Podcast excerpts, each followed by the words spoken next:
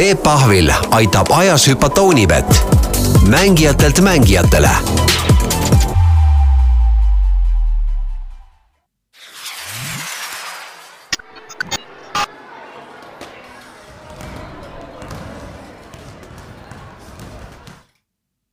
Tervist, eetris on Peep Pahvi A-hüpete järjekordne saade ja täna on väga hea tervitada, hea meel tervitada stuudios inimest, keda ma olen siia ammu juba soovinud kutsuda ja ei ole kuidagi neid asju klappima saanud, aga nüüd on ta siin kohal. endine tipptennisist Maret Tani, tervist. tervist. no ma tavaliselt alustan saadet ikka ühe sama küsimusega, et, et millal viimati siis oma seda spordiala harrastasid, aga sinu käest siis pole mõtet küsida, kuna sa otse praegult tennisemängult tuled tegelikult no tegelikult jah, sattus selline juhus, et äh, ma ei olnud äh, kaks ja pool aastat niimoodi reketit käes hoidnud ja, ja, ja täna käisin mängimas Kadriorus jah, tulen otse sealt. Ja mis tunne oli? raske ei, ei, ei tulnud nii hästi välja, kui oleks lootnud, aga ei olnud ka midagi väga hullu. aga sa tegelikult oled omanimelise tennisekooli treener ka, et, et äh, võiks ju arvata, et tegelikult sihuke tennise kõksimine on igapäevane tegevus tegelikult no üks asi on väljakul olla treenerina, teine asi on ikkagi mängida ja, ja, ja kuigi ka tänane mäng ei olnud nüüd mõisa peale, kuid siiski joosta ja pingutada rohkem ja ja neid äh, motivatsioon oli natuke teistsugune, et, et on erinev. nagu mängima hakkad, sa ikka tahad võita ju.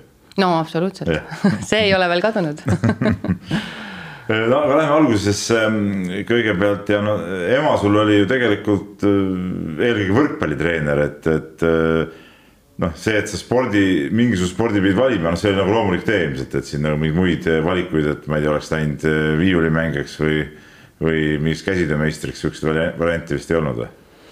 no võiks öelda, et ei olnud jah, kuna ma ei käinud isegi lasteaias, et ma käisin emaga tol ajal siis tipi spordihoones kaasas tööl kogu aeg, et ma sain kõiki spordialasid seal proovida ja joosta ringi ja ja hästi palju oli nagu spordi sees, et, et see nagu tundus jah, loogi-, loogilise jätkuna, et ma lähen trennidesse. aga kui nii palju spordialasid sai proovida ja noh, kõike teha, miks siis just tennis eh, sai selleks alaks, mida, mida siis tõsisemalt harrastama hakata, et noh, see, see ei ole nagu sihuke ala tegelikult, mida nii lihtsalt nipsust eh, inimene valib.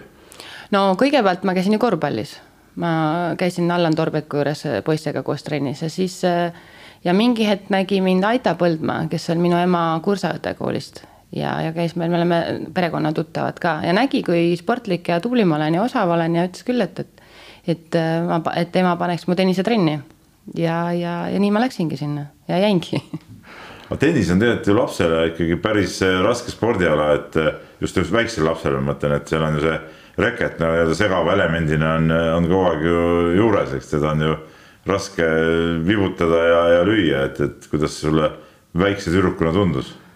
no ütleme minu ajal tõesti see oli veel, veel, veel raskem kui praegu, kuna võimalused olid teised, praegult on meil ju punased pallid, oranžid pallid, kõik erinevad äh, versioonid ja variandid olemas. aga Aida suutis need trennid teha nii põnevaks ja, ja toredaks ja, ja huvitavaks ja, ja ja mulle meeldis ja mul hakkas nagu, olin osa, mul hakkas hästi-hästi välja tulema ka, et, et see ka võib-olla motiveeris edasi käima. aga mis see on, äh, ütleme, mis lapse juures peab olema, et et äh, oleks kohe näha, et temast saab äh, hea tennisemängija, et äh, noh, ma ei tea, kiirus, no sa ütlesid, osav olid, eks ole, mis, mis need siuksed nurgad on, mis, mis kohe näha on? no kui me räägime väiksest lapsest, siis kindlasti jah, peaks olema koordinatsioon ja, ja, ja tahe, huvi, huvi selle mängu vastu. ja, ja, ja just see nagu, et sa katsetad ja proovid ja, ja, ja ei, ei loobu, et, et tegelikult tennis on raske, et mina isiklikult vaatan teinekord täiskasvanuid, kes hakkavad esimest korda tennist mängima, et, et ja löövad pallist mööda kümme korda, siis saavad ühe korra pihta. et nagu müts maha nende ees, et tegelikult see on, see on nii raske, et tublid, et nad ikka käivad ja harjutavad ja saavad paremaks, et noh, lastel õnneks see käib natuke lihtsamini. no samas tennis on ka selline ala, et noh, sa räägid, et jah, täiskasvanud siis ütleme võivad harrastaja tasemel midagi ära õppida, aga tennis on ikka sihuke spordiala, mida peab ikkagi päris väiksest peale tegelikult äh, korralikult treenima, et tipptasemel mängija välja tuleks, et eh, noh, see ei ole sihuke ala, mida sa hakkad, ma ei tea, kümne, kaheteistaastaselt harrastama no on ka selliseid juhuseid, kuid need on, need ongi juhused, ma arvan, et eh, paljud eh, mängijad jah, on juba lapsest saadik viie-kuueaastaselt hakanud tegelema sellega ja.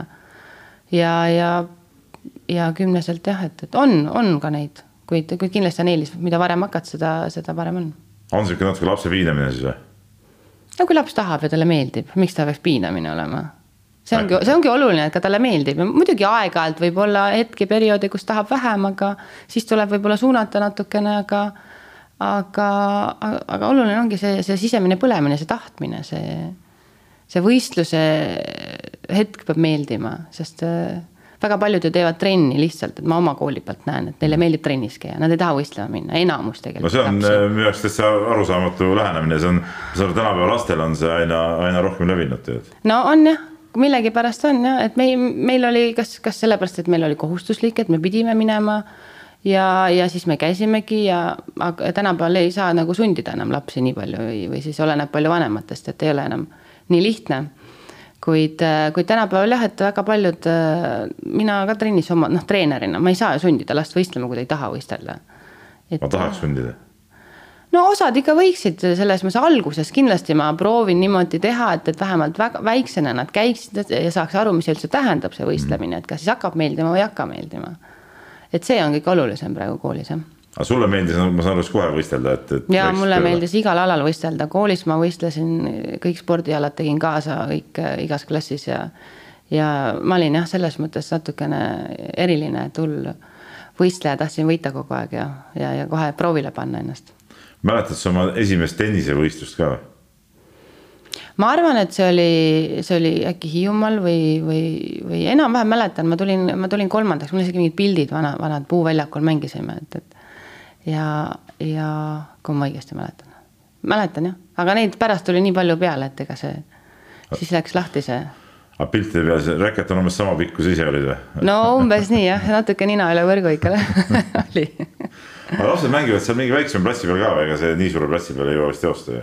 no või... tänapäeval küll. aga siis oli kõik nii nagu, nagu täiskasvanutel sinu ajal? ma ei teagi, ma praegu ei mäletagi, aga, aga no selliseid väikseid väljakuid küll ei olnud nagu, siis tehtigi niisugune minitennise sari oli, see oli erandkorras mm, -hmm. aga, aga üldiselt vist jah, suure väljaku peal ikka. ma ei mäleta, seda peab küsima Aita käest järgi või Kristo äh kui vanalt see asi nagu tõsisemaks läks, et, et sa said nagu ise ka aru, et tennis on nagu sinu ala, et, et mis, mis vanus sa siis olid juba, kaua sa teinud olid seda? no mingi hetk, ma arvan, äkki oli. No kõigepealt oli see, et ma käisin korvpallis ja tennises edasi, ma ei teadnud, kumba nagu, kummast loobuda. aga siis. vanem õde mängis ju korvpalli. ja, ja ikka tema järgi läksin jah ja aga siis oli see, et need mängisin poistega, tüdrukuid ei olnud ja poisid kasvasid nii suureks ja tugevaks ja noh, mina isegi võistlesin paar korda nendega koos, aga, aga siis nagu läks nagu imelikuks juba et läksin tennise peale üle ja, ja, ja siis, ja siis hakkasingi rohkem tennisega tegelema. Vahepeal ma küll uuesti läksin korvpalli. neljateistaastasena ma käisin, ma tean, ma vist isegi tulin Eesti meistriks mingi võistkonnaga issand, inetu öelda, et ma ei mäleta, mis võistkond, aga. aga ühesõnaga ma mängisin nii tennist ja korvpalli, aga siis tunduski, et asi läheb liiga riskantseks, et need sõrmevigastused seal korvpallis on kergesti saama ja kõike muud, et ei jõudnud mõlemat teha. ja siis tundus tennis nagu ikkagi juba see nagu põhiala, et see korvpall oli nagu kõrvalala. ja, ja siis, oli, siis juba oli tegelikult, aga mulle lihtsalt nii meeldis, et siis äh, sattus selline tüdrukute võistkond ka tore ja ja, ja siis ma käisin, aga siis jah, sain ikka aru, et, et, et on vaja rohkem ainult tennisele keskenduda. aga mis selles tennises nii võluvat sinu jaoks on? ma ei tea, ma ei oskagi öelda. Äh, kuidagi võib-olla see individuaalne spordiala on nagu oluline, et, et sa ei sõltu nagu teistest, et, et sa saad nagu teha nii, nagu sa ise tahad ja. ja et, et sa võidad ise ja sa kaotad ise, et, et, et see on nagu mõnes mõttes hea ja, ja ju siis ongi see, et mul tuli hästi välja, tulemused tulid sama rongiga edasi. olid sa ka sihuke tüdruk, kes endale pani ikkagi just suhteliselt noorest peast ka mingeid unistusi, et noh, ma ei tea, ma siin mängin tennist, et noh, ma pean.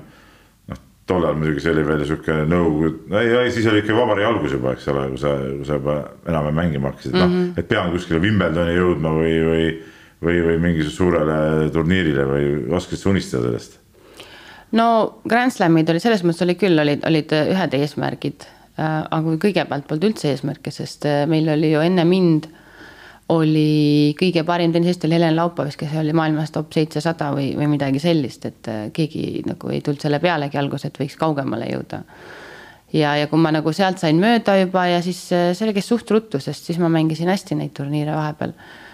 ja, ja siis olid nagu sa oled seal rongi peal sees, sa mõtled pigem, pigem mõtlen, mõtled just nagu niisuguse väiksemate eesmärkide peale, et, et kui sa oled näiteks top kolmsada, sa mõtled, et sa tahad kahesaja sisse saada kõigepealt, kui sa oled top kakssada, siis sa tahad jälle saja viiekümne sisse saada, et meil nagu, minul nagu toimis niimoodi, et mul ei olnud, et ma kohe jess, ma lähen, saan maailma number esimeseks, eks, et noh.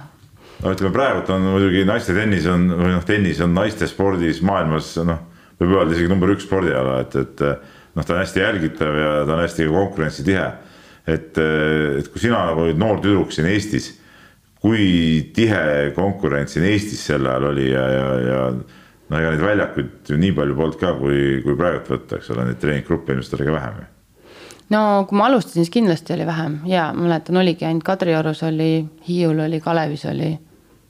Tallinnat rohkem ma ei mäletagi, et väga oleks olnud ja, ja see oli ka üks põhjuseid, miks ma hakkasin välismaal trenni, trenn, trennis käima. et käisin, ma olin neliteist, kui ma hakkasin Hollandis ja Belgias käima niimoodi kuskil kuu aega seal, kuu aega Eestis. ja siis pärast läksin päris Itaaliasse ära, et, et see oli ka tegelikult üks põhjuseid, miks, miks nagu ma kohapeal siin nii palju trenni ei saanud teha, kuna ei olnudki kuskil teha ja ei olnud ka eriti kellegagi teha aga tennist võibki nimetada natuke raskesti kättesaadavaks spordialaks ka, et, et kas see oli siis ka nagu tunnetada, et ta on natuke sihuke ikka natuke elitaarne asi või? ma ei tea, ma arvan, ma olen nii väike, ma ei mõelnud selle peale. see oli lihtsalt äh, põnev oli, ma ei tea, ma ei, väiksena väga palju jah, ei mõelnud selle peale et tuleb sporti teha, et mis ikka mõtelda, eks ole. ei no ongi, siis oli vaja äh, koolis käia, oli vaja sporti teha ja oli vaja sõpradega häng, hängida nii palju, kui aega jäi, et, et selles mõttes, et niisuguseid äh, sügava, sügavaid mõt-, mõtisklusi ma väga ei teinud. no koolis on tegelikult tennise kõrvalt päris äh, raske käia, et, et sa vist ise ka tead, põhikooli käisid ära ja siis pärast see gümnaasiumi osa tegid alles päris suure inimesena, et et, et äh, noh, see on paratamatu, et kui sa nii palju pead välismaal käima mm, -hmm. et äh, ei ole vist, ei ole vist väga võimalik, vist Kaia Kanepil oli näiteks samamoodi vist jah, ma ei tea, kuidas Kaial lõpus oli, aga, aga minul oli jah, ma lõpetasin üheksanda reaal, Tallinna Reaalkoolis ära ja taht-, sain ka kümnendasse sinna sisse. aga siis jah, ma hakkasin veel rohkem ära käima ja, ja tekkisidki probleemid, et ma no lihtsalt reaalselt ei jõudnud. ja, ja siis ma läksin äh, õhtukeskkooli veel, et sain oma kümnendaga ikka lõpetatud Tallinnas ja, ja siis ma läksin Itaaliasse elama päris, et, et äh, siis jäi pikem vahe, et kui ma tagasi tulin kaks tuhat kümme, kaks tuhat üksteist. see oli kaks tuhat kaksteist, ma siis lõpetasin keskkooli Rakvere siis täiskasvanute gümnaasiumis. oli küll, sul on täpselt meeles õige aasta ja õige ja, ja, ja, ja siis lõpetasin ikka ära, tulin kohe tagasi, tähendab tulin tagasi, panin kohe ennast kooli kirja, et, et ikkagi keskkool ära lõpetada. no vot palju on tegelikult ju räägitud seda, et noh, et ma ei tea, sportlane oli trennis, kui, kui teadmisi jagati ja, ja nii edasi, eks ole, aga teisalt jälle, kui mõtelda, noh, paljud tippsportlased, noh, kes on sihukese ala peal just, mis ei kannata nagu kodus olemist. noh, kas see, kas see näiteks keskkool noh, üldse ongi nii oluline, et selle reisimise, elukogemuse ja, ja sellega sa saad ju noh, võib-olla seda haritust ka nii palju kätte, et, et see, ütleme selle, sellel hetkel ei olegi võib-olla nii oluline või kuidas sulle tundub? No tol hetkel, kui mul pooleli jätsin, selle, seda mõtleda. Yeah.. et nojah, seal ei olnud võimalus lihtsalt, et tol ajal ei olnud ju neid interneti võimalusi, arvuti võimalust, e-kooli võimalusi ja, ja siis, kui seal olles juba uuesti hakata pihta siin Eestis tegevust, ma käisin ju ainult kaks korda aastas Eestis ka, et, et see ei, lihtsalt ei olnud reaalselt võimalik.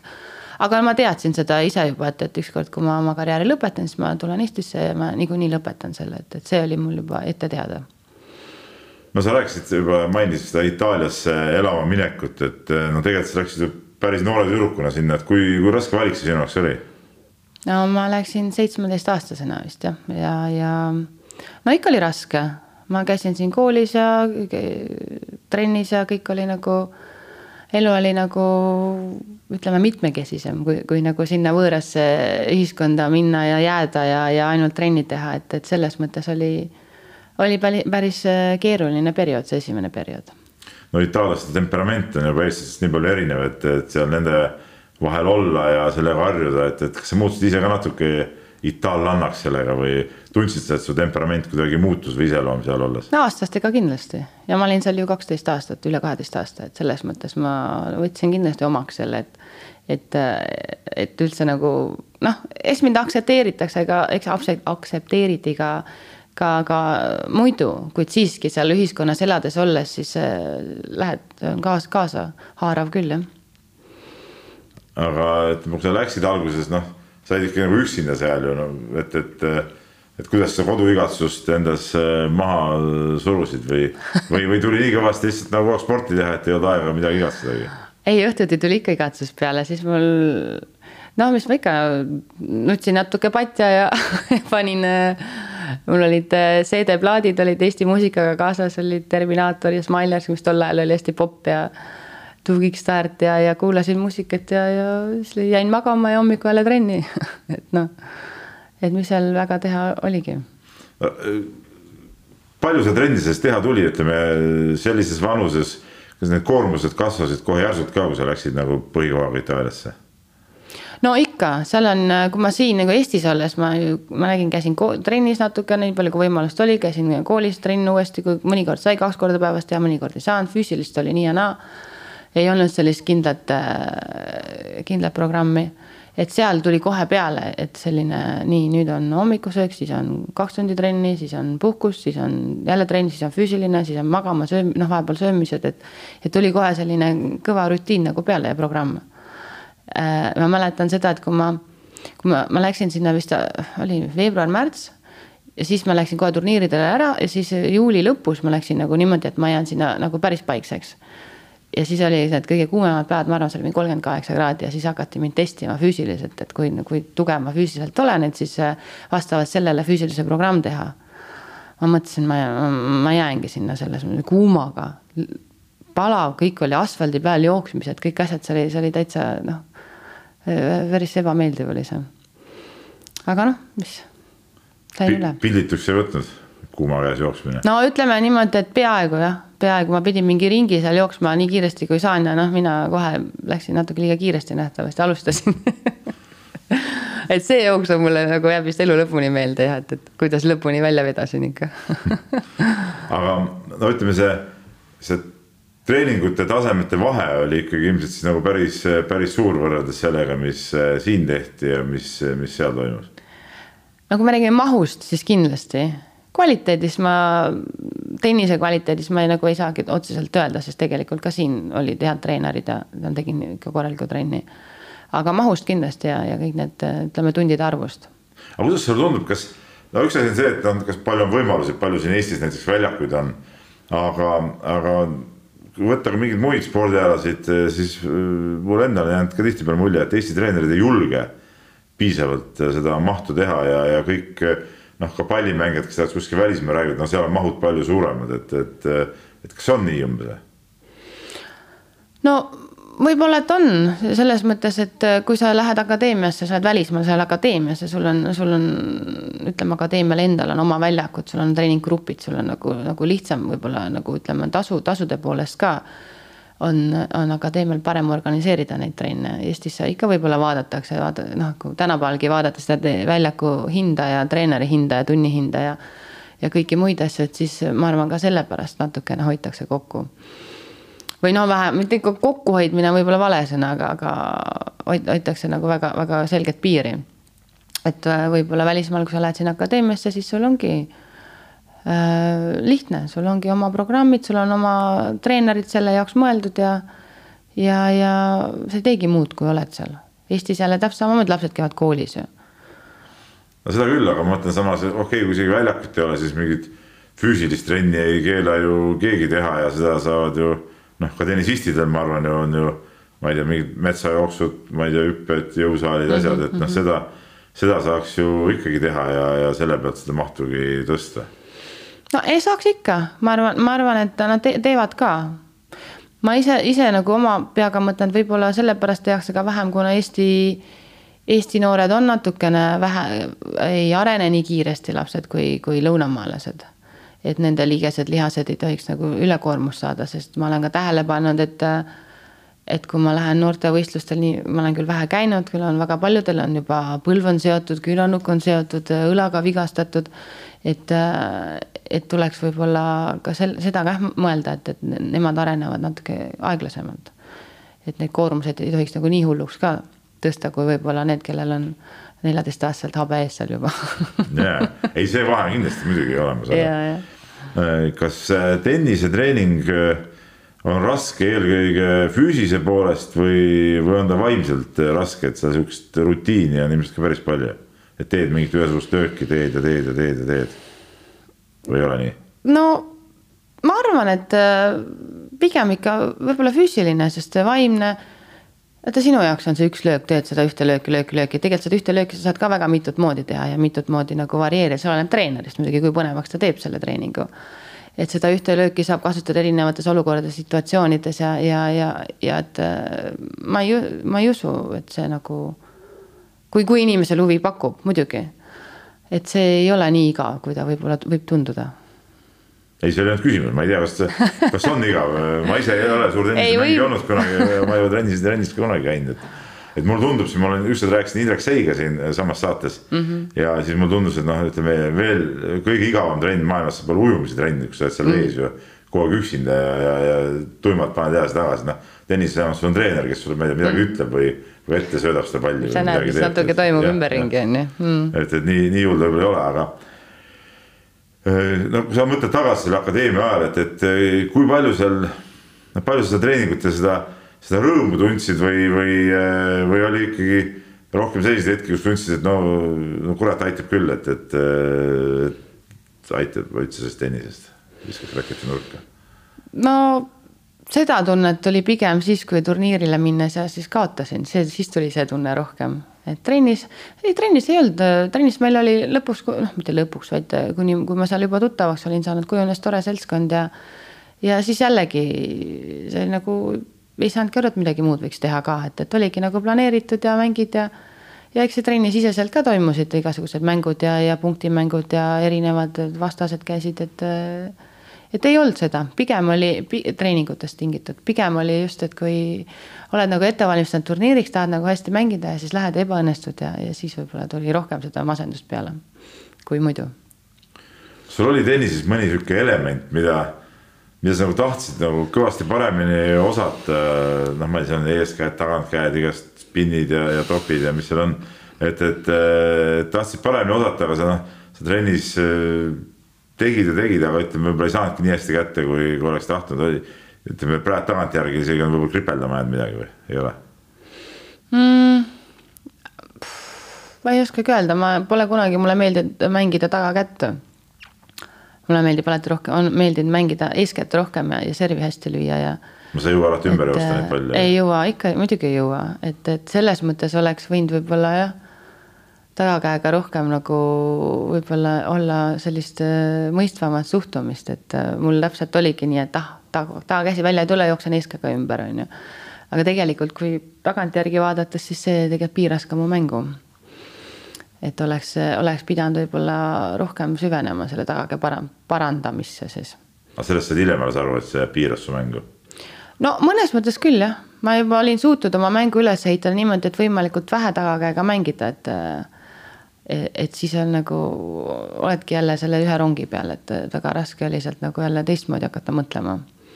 praegu mõtlen jällegi, et oleks võinud ju proovida ja, ja oleks võinud ka paremini ehk minna. no sa oled mitu korda äh, siin juba selle jutuajamise käigus ka ütelnud, et treeningud olid nagu lõbusad ja, ja toredad, et, et kas äh, ütleme selliste sportlastega, kes ikkagi noh, kui sa akadeemias juba oled, siis järelikult sul on noh, selge, et sa üritad ju jõuda tippu, on ju. Mhm. et kas sellise sportlase treening peab olema eelkõige lõbus ja tore või, või, või peab see olema eelkõige nagu ikkagi eh, tõsine ja raske töö eesmärgi nimel? no ta peab olema huvitav. see on esmatähtis minu meelest, kui huvitav ei ole, siis tihtipeale mängija ei, tal kaob huvi, tal kaob motivatsioon ja ta hakkab muid asju mõtlema tal peab olema, mina arvan vähemalt, peab olema ka neid hetki, kus sul ongi nagu, nagu noh, nagu, nagu saavutad midagi, sul on nagu ka tore. noh, tore võib olla see, et sa mängid anekdooti muidugi ja tore võib olla ka see, et sa jõuad, treener paneb sulle mingid kindlad äh, äh, noh goal'id on ju, kuidas öeldakse, et kindlad asjad, mil, mis sa pead saavutama, eesmärgid täpselt ja mis on, mis tema teab, et sa võid need saavutada ja, ja, ja sa saavutad see, see on ka tore tegelikult on ju, ma mõtlesin pigem seda mm, -hmm. et, et peab olema huvitav ja, ja selles mõttes nagu positiivne nagu. ja, ja, ja kindlasti ma ei ütle, et mul ainult need olid, on ju, need on võib-olla mulle rohkem meelde jäänud, et neid negatiivseid tuleb ka, et kui sa ei saavutagi neid eesmärke ja. ja on midagi, mida iganes, paha tuju ja viskad, viskad, teinekord on juhtunud, viskad reketi nurka, et ma täna rohkem ei viitsi ja, ja tulen homme tagasi või peale tulen tagasi, et noh, neid on ka, tuleb ette. ma arvan, nii mõnelgi mängijal. Aga, aga jah, peab oskama motiveerida, ma arvan, kõige oluline on see, et peab oskama motiveerida, et, et oleks nagu ikkagi mingid positiivsed tulemid ka no kui sa näiteks äh, tundsid, et midagi välja tuleb, viskasid nii-öelda piltlikult öeldes reketi nurka, et tuleme homme tagasi. et kas, äh, kas treeneril oli siis mõtet sind hakata ümber veenma, et kuule, teeme nüüd tänased asjad ikka ära või, või, või oli sind nagu targem sellisel juhul ikkagi rahule jätta? Äh, ei no see olenes perioodist, ma arvan, et, et ta sai ka mind ümber veenda muidugi, see on ju tegelikult kõik äh, emotsioon see mina, ma, ma arvan, enamus inimesi, kes mind nagu teab mängijana, mina olin väga emotsionaalne mängija. et see emotsioon tuli ja, ja, ja ta ka läks suht kiirelt.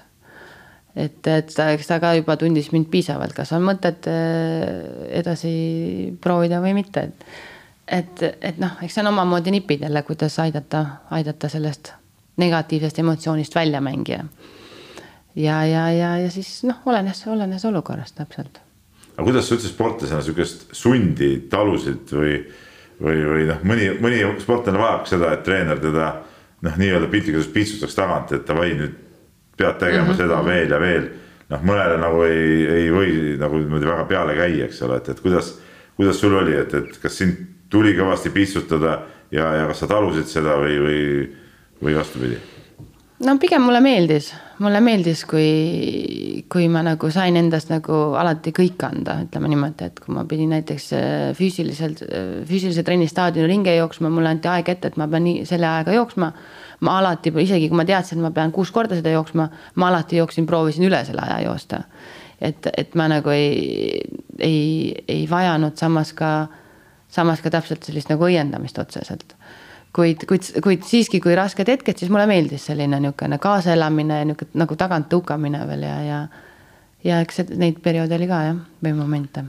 aga kui palju seal näiteks akadeemiast ja sihukest kambavaimu äh, välja tuli ka, mis aitavad võib-olla mingit keerulisi perioodi, perioodist üle saada, noh kuigi tennis on nagu individuaalne mäng, sa ise ütlesid mm. ka, et sulle meeldib see, et sa nagu ise, ise oled ja teed. aga ütleme trennis, noh, teil on ikkagi mingi punt seal noh, et, et et kui palju seda sihukest üksteise toetamist ja sulkimist seal oli, et noh, me rääkisime ka, et itaallased on ju väga temperamentsed ise no meil oli väga väike akadeemia, ma ei käinud kuskil suures akadeemias, et selles mõttes meil oli ähm, võib-olla kõige rohkem kümme mängijat korraga seal. ja, ja siis nagu oli pigem selline hea just see kambavaim, et käisime koos pitsat söömas teinekord ja rannas ja, ja tegime ka ja muid asju koos ja ja siis ma elasin, elasin seal nagu klubis alguses, kus elas ka üks šveitslane, elas ka üks itaallane, kes kaugemast linnast pärit ja. ja saime kõik väga hästi, tegime koos süüa seal ja, ja noh, väikseid hõõrumusi ikka tuleb ette, aga. aga iseenesest äh, saime kõik hästi läbi, et see oli tegelikult oli just positiivne, et andis niisuguse, niisuguse sooja tunde. no sa mainisid pitsat ja muidu mul läheb meelest ära ma lihtsalt tulen siia korraks vahele natuke teise teemaga, et noh, ma olen ise ka Itaalias, noh, ütleme on töö pärast ja asjade pärast siiski päris palju käinud ja ma siiamaani ei saa nagu aru, et, et kui nad söövad seda pagana pistat, pitsat ja pastat kogu aeg ja, ja muul ajal ka on see, need saiad on kogu aeg nagu söögiks. et, et no kuidas seal üldse võimalik nagu mingit sportlikku vormi hoida, on sul mingi seletus sellele no ma ei tea, ega me kogu aeg ka ei söönud pitsat ja pastat, me pidime ikka jälgima, aga no pasta küll, pastat me sõime igapäevaselt. no sama itaallaste söök on ju tegelikult, no kogu aeg on ju ju noh, lähed kuskile jälle sai ja valad umbes õli mm -hmm. ja, ja mhm. teed, eks ole, noh, see nagu. ega nad ise ei saa, nad söövad ka palju juurvilju selles mõttes ja nad söövad vähem minu meelest. mõnes mõttes, et nagu eestlane tõmb-, nagu teeb ikka mingisuguse korraliku taldrikutäie endale õhtusöögiks nõuab, on ju, ja, ja. ja rasvast toitu, nad on kuidagi ikkagi muu peale pasta, pitsa on selline, selline tervislikum. ja ega nad ise ka kogu aeg pitsat ei söö Nad ju söövad, okei okay,, pastat, sportlasena ma sõin pastat küll iga päev, kuna see on kerg-, mhm. kiired süsivesikud. aga, aga muu toit on tegelikult seal palju tervislikum, ma arvan, kui Eestis see, see jahukaste ja kartul, noh. nojah, no ütleme Eestis vist jahukaste ja kartul ka nagu ära ikka kadumas, et, et no, neid võib väga palju enam ei sööda. kuigi vanasti jah, oli see ja see oli sihuke vahepõige, seda ei olnudki mm. siis see pitsaga mul tuli meelde, ma ise selle peale lihtsalt nii palju mõelnud selle, et vaatad, lähed sööma, noh ikka põhiliselt mingid pitsakohad kogu aeg, et noh. aga sportlased ei käi seal nii palju, nii tihti, erandkorras käivad nad tegelikult. nii, aga eh, selleks, et akadeemias, eh, akadeemias treenida ja, ja seal mängida ja kasvada. noh, see ei ole ju tasuta lõbu tegelikult, et, et eh, kus need siuksed finantseeringud sai võetud või, või kuidas, palju sa maksma pidid selle eest või, või nägid nad sinus nii suurt talenti, et võeti kuidagi tasuta sinna? No sellepärast ma tegelikult läksingi sinna, kuna mulle pakuti sponsorlust Itaaliast, kohalikud itaallased seal. eelne- e,, eelnevalt ma olin mänginud äh, Taanis ühe väga hea turniiri, jõudnud finaali ja siis äh, jäin kontakti seal ühe itaallasest kohtunikuga kelle nagu tuttavad otsisid just kedagi, keda siis nagu sponsoreerida ja siis nemad kutsusid mu sinna. ja, ja selles mõttes nad olid väga toredad inimesed, ma olen siiamaani kontaktis, see on üks perekond oli, kes, kes ma pole siiamaani aru saanud, miks nad seda nagu, mis mingisugune põhjus pidi olema, kuna rohkem mängijaid nad ei ole nagu niimoodi teinud minu teada. ja, ja võtsidki, kutsusid mind Itaaliasse treenima, maksid mul kõik, kõik kinni põhimõtteliselt, no taskuraha mul oli vaja endal nagu panna, kui ma tõesti pitsat lähen sööma, mul oli vaja natuke raha, aga aga muidu nagu kõik need elamised ja reisimised ja turniiril käimised eh, maksid nagu nemad kinni, et et tänu temale ma, tänu siis sellele perekonnale tegelikult ma saingi seal olla ja treenida niimoodi. see on nagu õnnelik juhus, võib niimoodi ütelda? ma arvan kindlasti. tegelikult see on ikkagi kallis, kallis lõbu ju. absoluutselt, muidugi see, see oli ka üks põhjuseid, miks ma sinna Itaaliasse läksin, sellepärast et noh, ilma väga pikalt järele mõtlemata, sest Eestis oli ikkagi raske leida siit äh, raha nagu nii turniiril käimisteks kui kõigeks muuks, et et tol ajal nagu sponsoreid ka nii väga ei olnud nojah, et ma ennist ka korraks äh, mainisin, et tennis on natuke sihuke elitaarne spordiala ja, ja tegelikult see, äh, just see kallidus ka sportlase jaoks äh, on võib-olla suurem kui, kui mõnel muul spordialal, et, et oskad sa seletada, kas see tuleb sellest, et tenniseväljakuid on noh, ma ei tea, okei okay,, no liivaväljakuid on nagu raske hooldada või ehitada või, või millest see kallidus nagu tuleb noh, tegelikult? aga millega sa võrdled? mis spordialaga sa võrdled? No no, no üks, ükspuha, nagu sa lähed näiteks kuskile korvpalli mängima Nii. õue, noh, sa ei pea nagu midagi maksma, aga lähed näiteks kuskile õue tenniseväljakule, no siis ikkagi need hinnad on ju kallimad, eks ja see, ei selle, selles on, on nagu tõsi, et tegelikult Eestis võiksid olla ka sellised tenniseväljakud, mis oleks äh, nagu, nagu Ameerikas on täpselt need no, rahvaväljakud, ja rahvaväljakud võiks ka olla. aga kui sa võrdled, ütleme korvpallitrenni ja tennisetrenni, siis sa noh, saad ka vaadata, kui palju lapsi korraga kuhu trenni nagu sa, mahub et kui korvpallis saab neid äh, olla, ma ei kujuta ette, kakskümmend tükki vähemalt korraga ja jalgpallis, siis äh, tennises, kui sa tahad ikka normaalset trenni teha, siis üle kaheksa sa korraga ei võta. ma arvan, see juba tegelikult. noh, see lööb see tunni hinde, hinde nagu treeneri no, tunni hinde nagu üles. muidugi nagu, seda ka, seda ka ja, ja see on, ma arvan, üks põhi nagu asju, et, et äh, põhipõhjuseid, miks, miks on see kallis. ja ma ei kujuta ja, ja täpselt see tennise, ma kujutan ette, kui sa rendid korvpalliväljaku, see maksab, ma arvan, isegi rohkem võib-olla tunnis, kui maksab tenniseväljak üksinda, kui sa rendiksid. no üksinda jah, jah, ja on... ma, aga ma ise mõelnud, et, et võib-olla see natuke sellest nagu tulnud, et noh, et tennisemäng on nagu prestiižne nagu, et, et no mõne jaoks on prestiiži küsimus ja siis, siis sellega seoses kuidagi see hind on nagu kunstlikult üles aetud. ma ei usu, vanasti oli võib-olla tõesti see, et, et ainult valgetes riietes mängiti ja see on võib-olla kuidagi sealt äh, väga kaugest ajast külge jäänud. tänapäeval on ju väljakuid nii palju, võimalusi palju ja, ja, ja nii palju, kui tegelikult ma tean ka nagu halli omanikke, siis ka need kulud on ka suured. ja et, et sa pead ikka soojana hoidma selle talvel ja, ja, ja välja müüma need väljakud, selles mõttes on kulud on ka suured et sa saaks, saaks tagasi, sellepärast on ka, ma arvan, suht kõrged need hinnad. No tennisistid on tihtipeale ka sellest Eesti spordisüsteemist ju tegelikult väljas, et noh, näiteks kui sa seal Itaalias olid, kas, kas sa kuidagi tundsid ka, et sa oled mingi Eesti spordi osa ka kuidagi või mingit toetust ju ütleme, ei olnud vist võimalik saada, sest et Eestis ju makstakse toetusi teadupärast tiitlivõistluste kohtade pealt ja no mm. tennises seda ei ole sisuliselt võimalik saavutada jah, mul, äh, ma olin, EOK äh, toetas ikka, kui ma valmistusin äh, olümpiaks, mingit toetust me saime, ma sain, tähendab. Ja ja nagu erasponsoreid alguses ei olnud peaaegu kedagi jah, et, et niimoodi. Ei, ei, tenniseliit oli, meil oli üks teine president varem, siis tema nagu väga naistetennist, teda ei, väga ei huvitanud see, noh, see selleks aga siis, kui Enbant tuli, siis äh, tema nagu aitas kohe ja, ja, ja tahtis aidata ja, ja tema, tema nagu aitas ka sponsoreerida väga palju mind, et, et tegi mul elu lihtsamaks. ja, ja, ja, ja temaga kaasas mind võib-olla rohkem jah, sinna, siia nüüd äh, ka pärast äh, lõpetamist, tähendab siin tennise elusse. et, et nii palju ma ikka osa olen sellest. ja, ma mõtlesin selle all, kui sa seal nagu jah, noorena Itaalias olid, et siis Aa, nagu, no. siis nagu väga palju seda võib-olla ei, ei olnud no.. ei see... olnud, ei olnud jah, ütleme niimoodi, et ega ma väga neid uudiseid ei tahtnud lugeda ka, sest äh, seal oli ikka neid kommentaare ja asju ja siis pigem ma keskendusin oma tegevustele rohkem, spordi tegemistele sa oled Ella hingega, siis ei kannata enda kohta käivat kommentaare lugeda?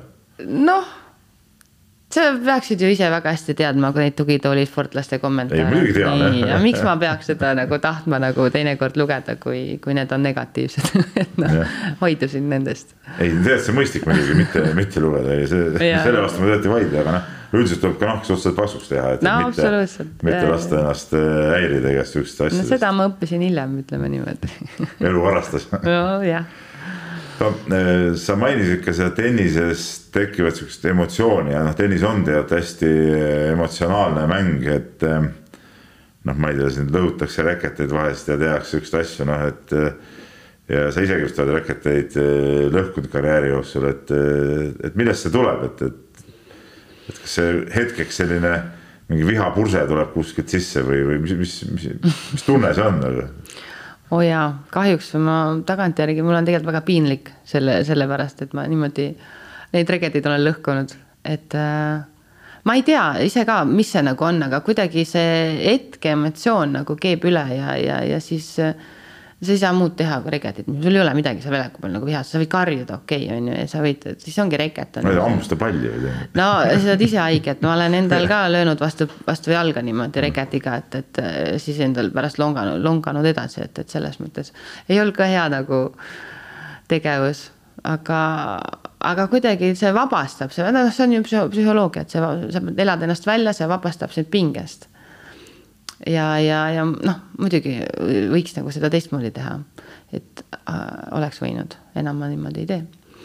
kuna ma ei mängigi aga kui mängiks, siis teeks ilmselt äh, ei, ma mängisin sulgpalli nüüd vahepeal, mulle meeldis sulgpalli mängida, siis ma käisin ka seeniorite meistrivõistlustel isegi ja no ei reketit ma ikka vastumaad enam ei löö. ei no okei okay,, see pole see tase. väike emotsioon tuleb ikka peale, kui tahad võita selles mõttes, et aga, aga ei no ma olen nagu natuke juba targemaks saanud kas ma mäletan õigesti, et sa rääkisid endaga itaalia keeles ka, kui sa seal enda peale pahandasid mängu ajal mõnikord või? mul on. ja mingi... ikka, ikka, ma olin.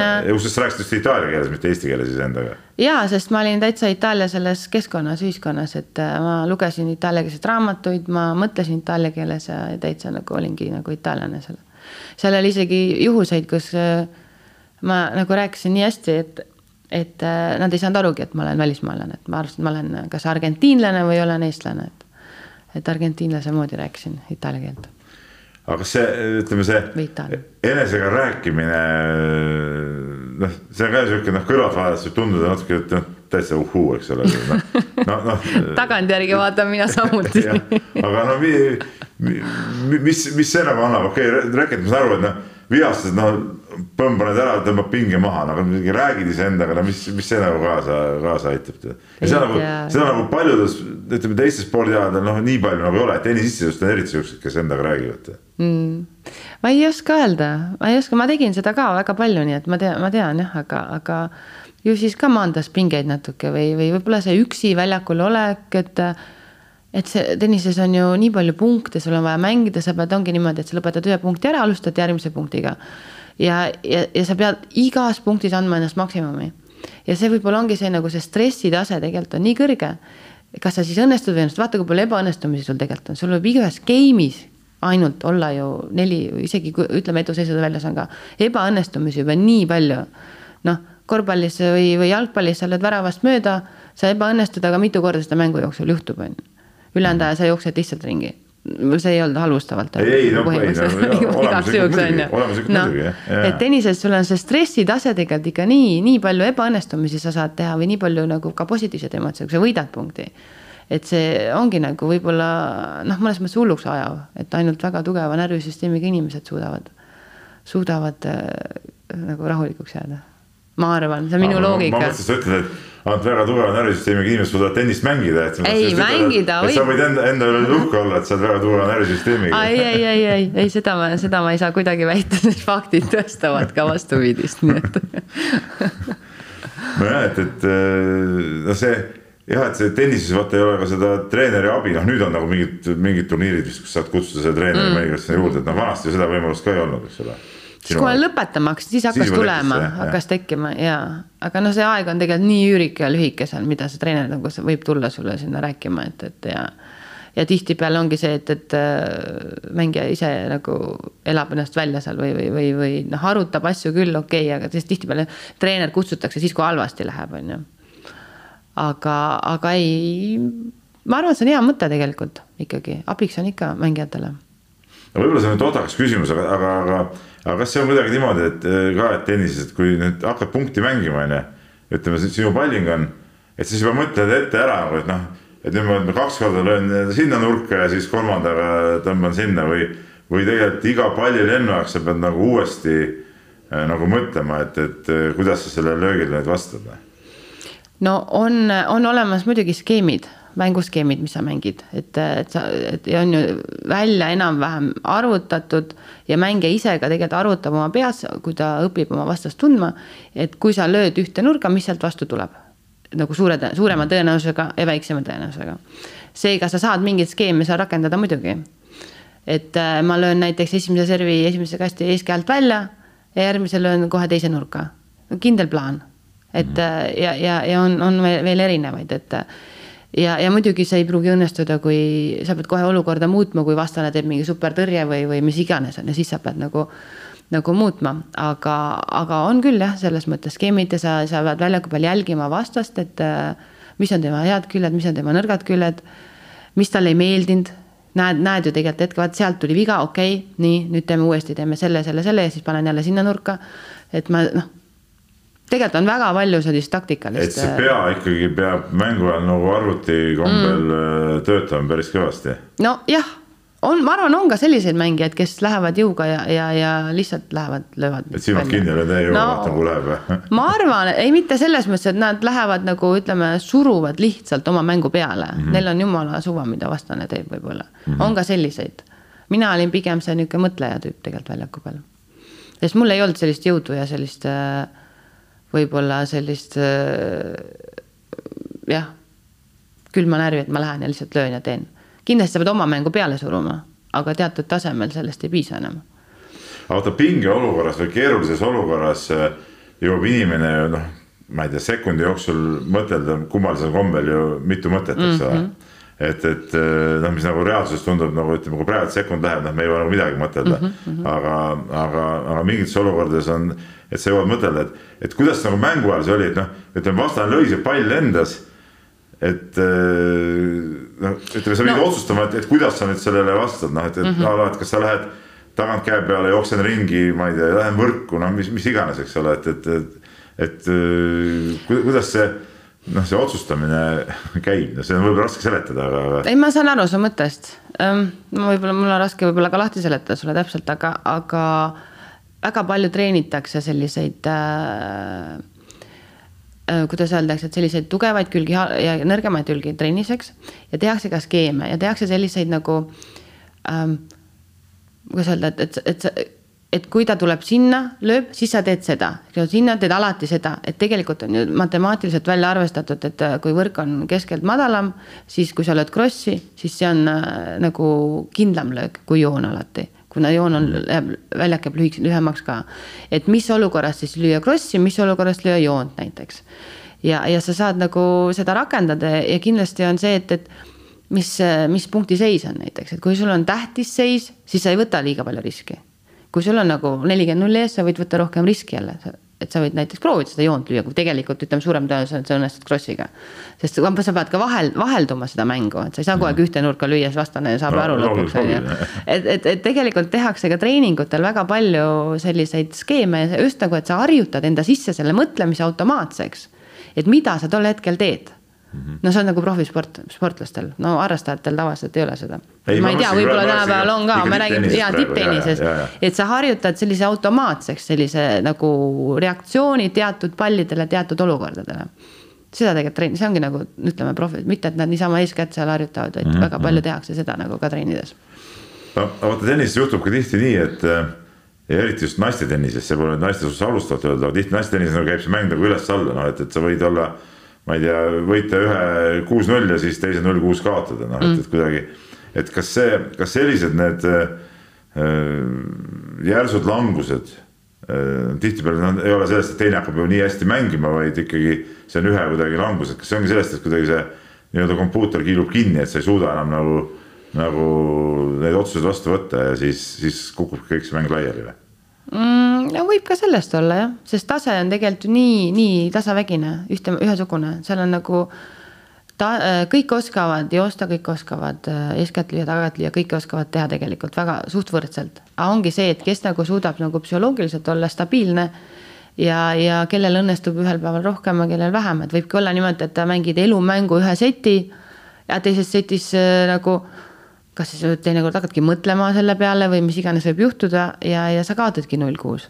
ja siis, ja siis noh, otsustav sett on tihtipeale selline fifty-fifty juba.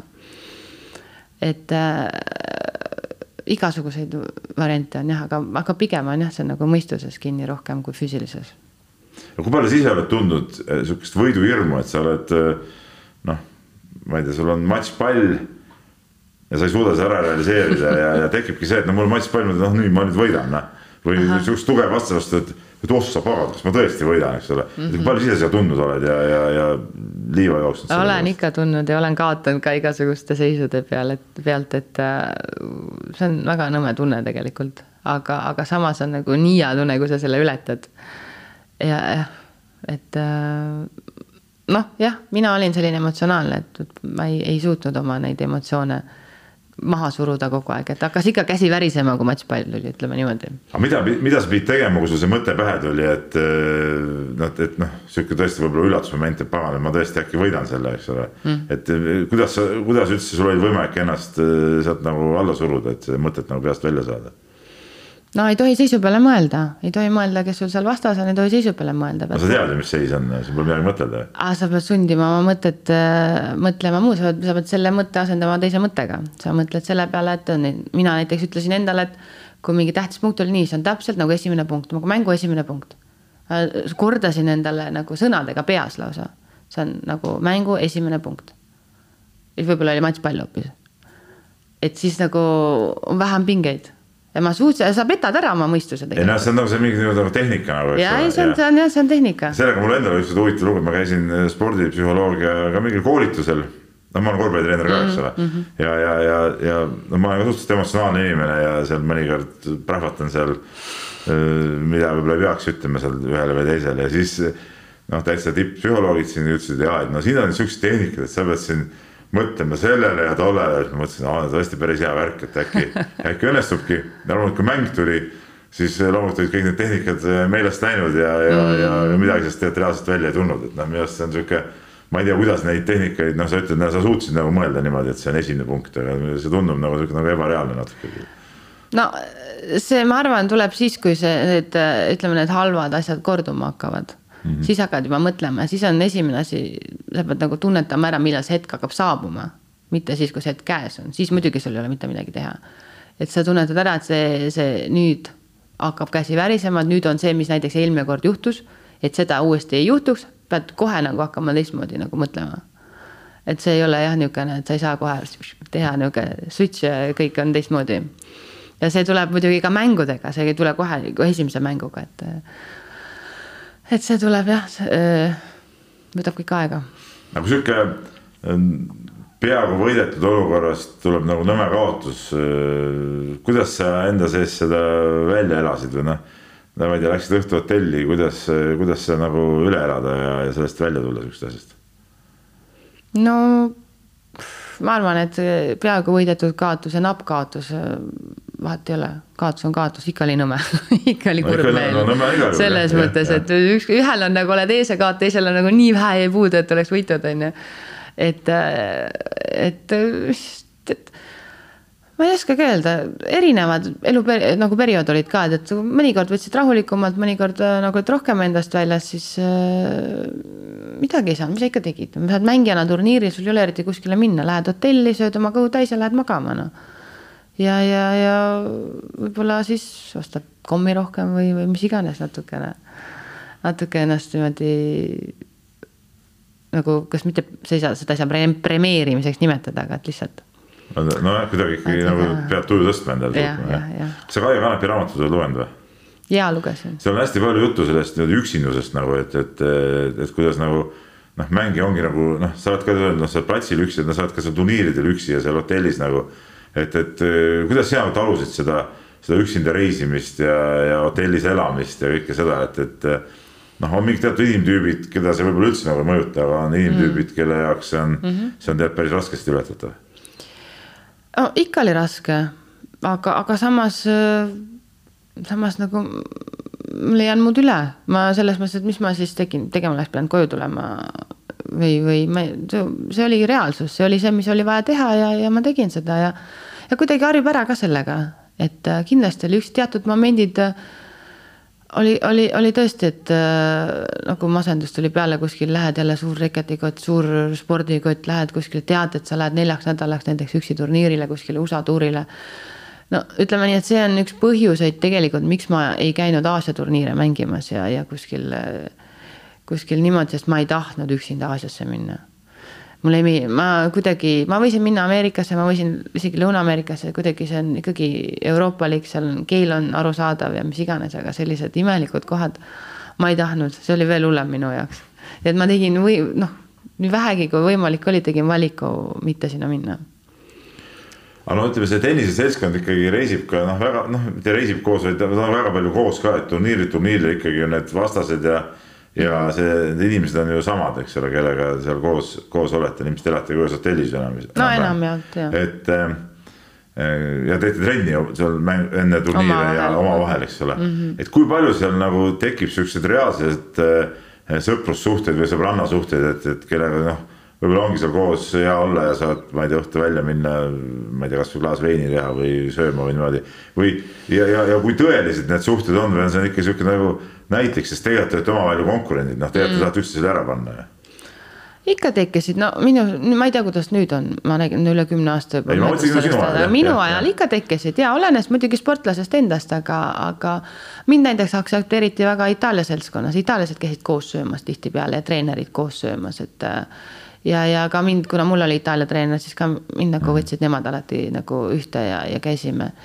ja, ja samuti samuti teised, teistsugused, teisemaalised, noh, ütleme, kui sul on paarismängupartner, käime teinekord koos söömas või. või ikka väljakutel, ma ei tea, mina olin selline seltskondlik, mulle, minu, ma sain kõigiga hästi läbi, et äh, ma ei. ei olnud selline endasse hoidev eraklik, kes noh, osad mängijad on sellised, kes tahagi nagu suhelda.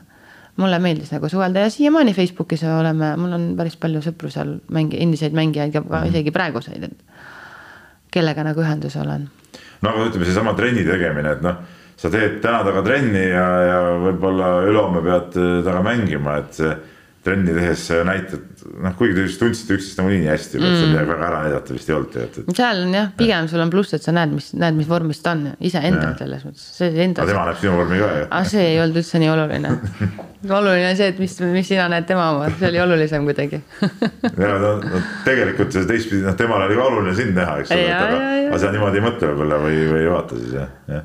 ei no see ei, seda ei saa ette teada, kui ma mhm. tean ajakava, kui ma näen tabelit tõesti, et ma võin selle vastu minna, siis ma võib-olla ei tee temaga koos ja. trenni aga kui sa teed vahepeal trenni ja ajakava tuleb alles õhtul, et oo, homme mängid vastu, vastu, vastu, no mis seal ikka noh, lähed ja mängid, üks mäng on mäng, et vastane, vastane, et.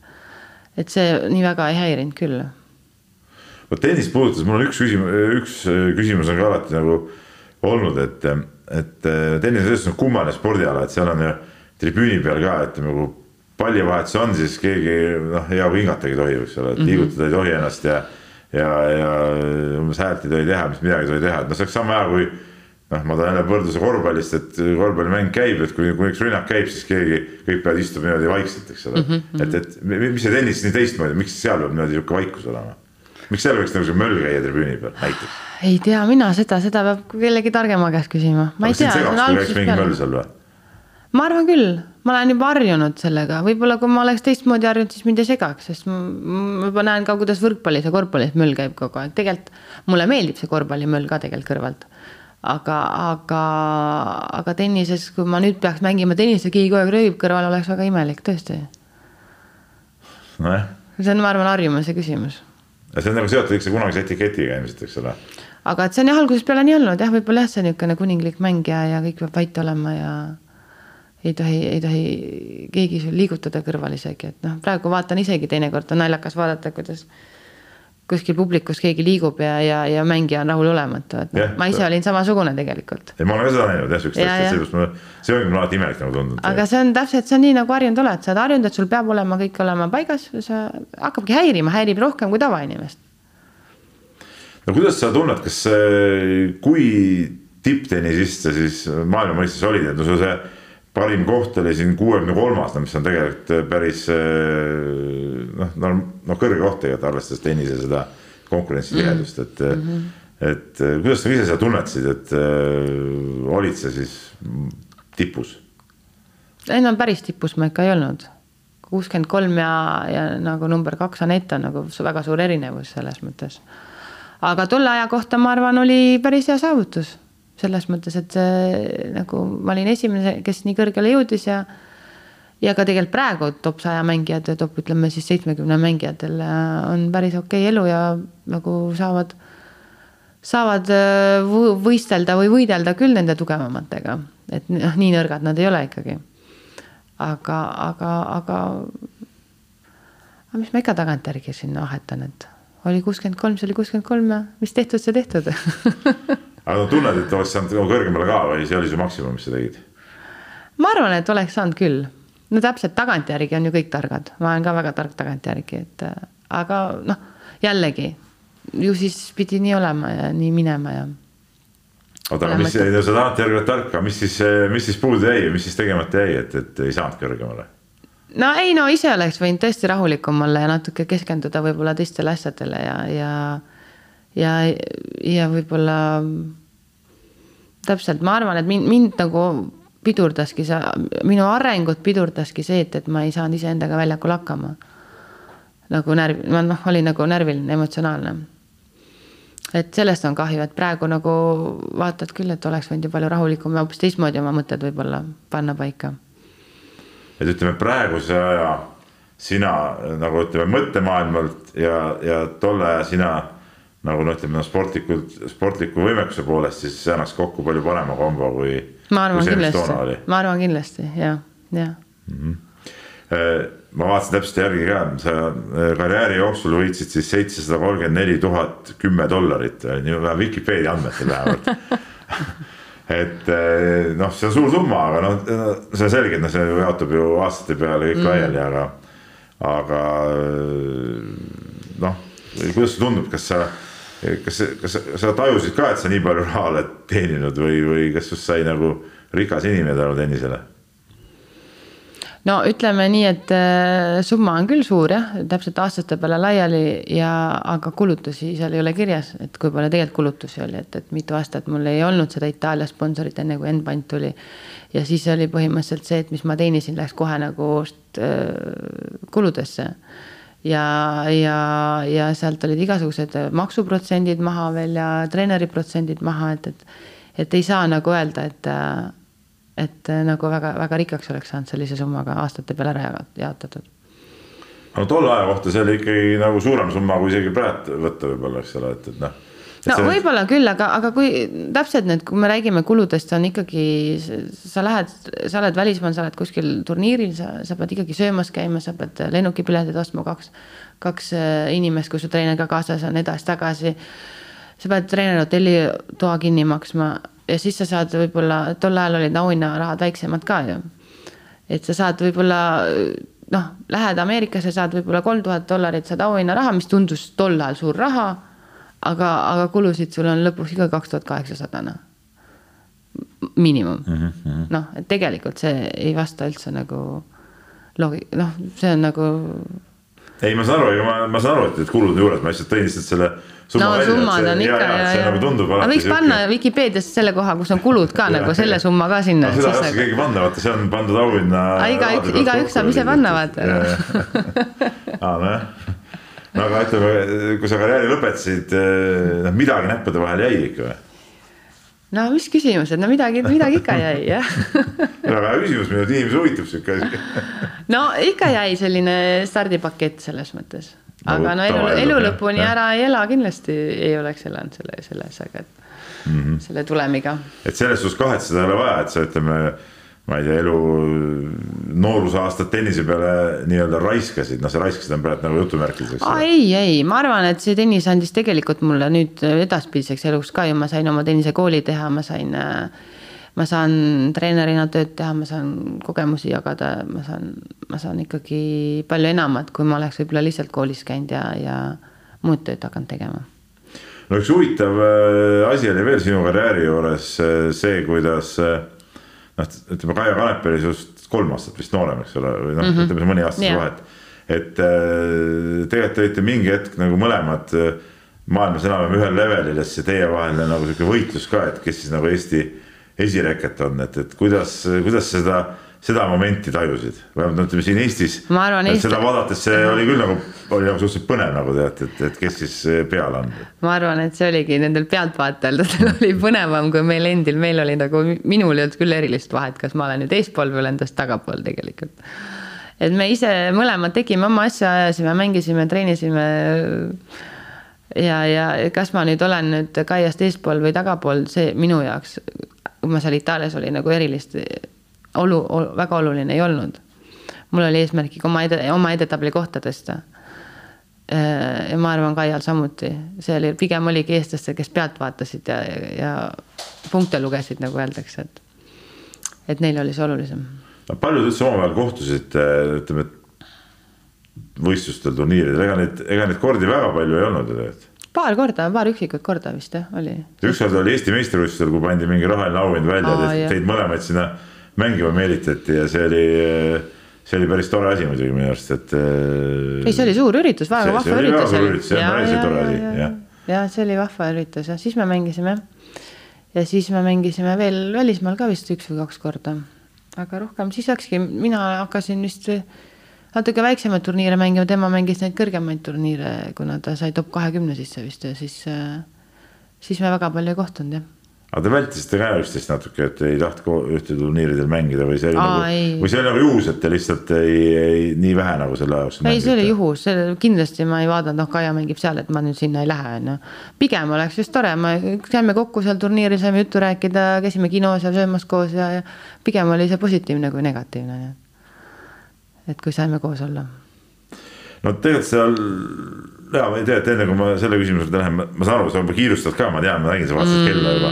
ma tean, aga me, me ju kaua ei räägi enam et ähm, ma tahtsin paarismängu kohta küsida, et noh, sinu sihuke karjääri üks tipphetke oli ju see paarismängus, kus te jõudsite äh, poolfinaali Suure Slami turniiril, eks ole.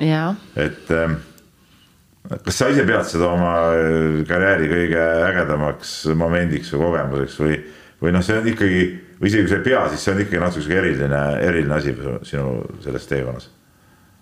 no kindlasti on, see tule, tulemus iseenesest ikkagi poolfinaal Grand Slamil, olgu ta siis paarismängus on, on, on ikkagi saavutus.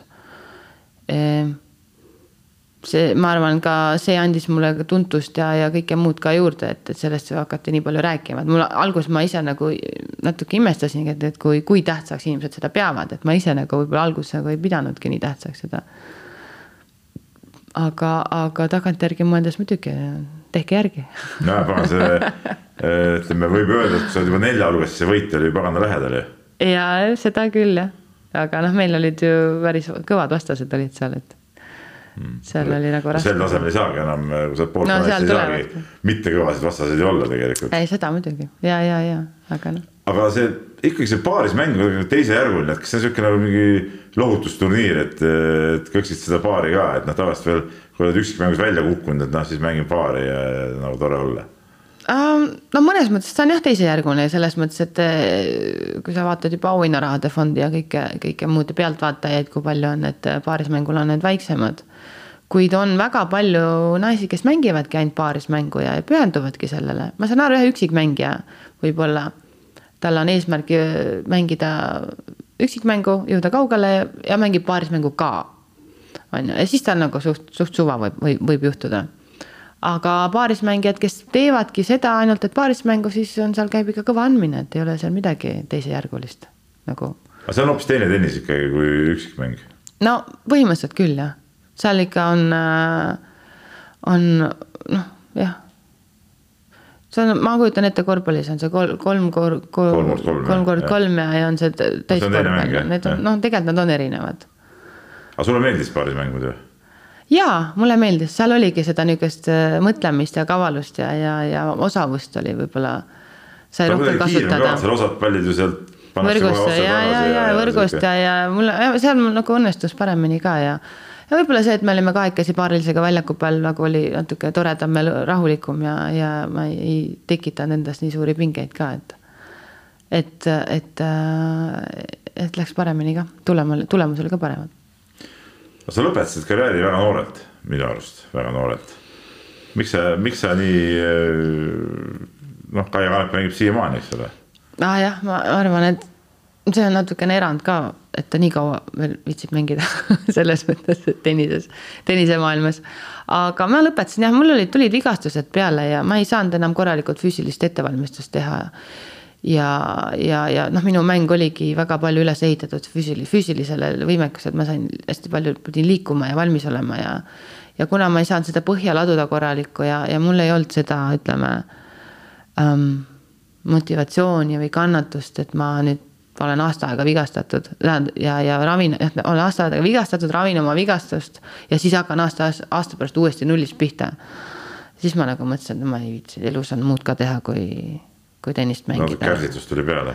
no ma ütlen jah, ma nagu tahtsin muud asja ka elus teha, ei, ei olnud nagu ainult tennis peas selles mõttes, et. no kokkuvõttes ikkagi on ainult tennis peas, et, et sa olid ju Fed Cupi naiskonnaga sa olid vist kapten selleks. nüüd on see oma see tennisekool. ikka no, tennis, tennis on. tennis on ikka kogu su elu põhimõtteliselt. no ei ole ikka kogu elu, see on, see on üks osa minu elust nüüd enne oli kogu elu. no okei okay,, nüüd on lapsed ja, ja. nüüd on, nüüd on lapsed ja, ja, ja muud asjad ja kõik need asjad tulevad, et äh, enne oli ka tegelikult oli pere, kellega noh, oma õde, vend, ema ja kellega ma polnud saanud ju koos olla kaksteist ja pool aastat ja, ja nende lastega ja siis nüüd tuli endal last, tulid endal mul lapsed ja elu on palju väärtuslikum selles mõttes, et oli huvitavam. tagasi ei kisu enam? Ei, ma sain täna seda väljaku peal kogeda ka, nii et ei, ei kisu. aga unes näed mõnikord äh, mängimist või mingit, äh, mingit hetke, kus äh, noh, mis võib-olla oli karjääris või, või Aa, en... ka mingit abstraktset tennisemängu või? enam mitte, vahepeal võib-olla küll aga nüüd on need unetunnid on nii väheks, väheseks jäänud, et ei näegi no, une, ei näegi unenägusid eriti. ja kus magada lastakse, eks ole. no täpselt selge, aga väga hea meel, et sa said selle aja näpistada kiirete tegemistega elus mm -hmm. siia tulla. tore oli rääkida ja, ja, ja suur tänu sulle. no aitäh kutsumast teile. ja see oli ja. siis Peep Pahvi ajahüpete järjekordne saade, kahe nädala pärast uus külaline ja, ja uued jutud Peep Pahvi ajahüpped tõi sinuni Unibet, mängijatelt mängijatele